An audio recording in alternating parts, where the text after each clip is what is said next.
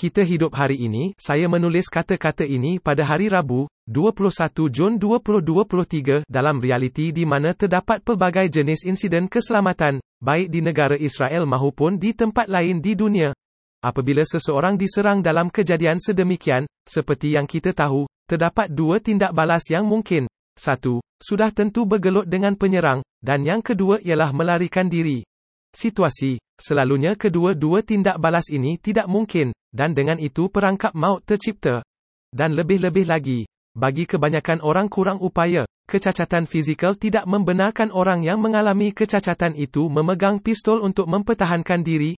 Atas sebab-sebab ini, mungkin terdapat ruang untuk pertimbangan terbuka mengenai langkah-langkah pelindungan yang dilakukan oleh orang kurang upaya boleh digunakan dalam keadaan sedemikian, dan dengan andaian bahawa langkah perlindungan sedemikian, jika dan apabila ia dibangunkan, boleh juga disalahgunakan oleh sesetengah orang kurang upaya kerana, bertentangan dengan stigma yang diterima, orang kurang upaya tidak selalu miskin atau orang yang baik. Seseorang juga harus memikirkan tentang menetapkan kriteria tentang orang kurang upaya yang akan berhak menerima atau menggunakan langkah perlindungan tersebut, dan syarat yang mana.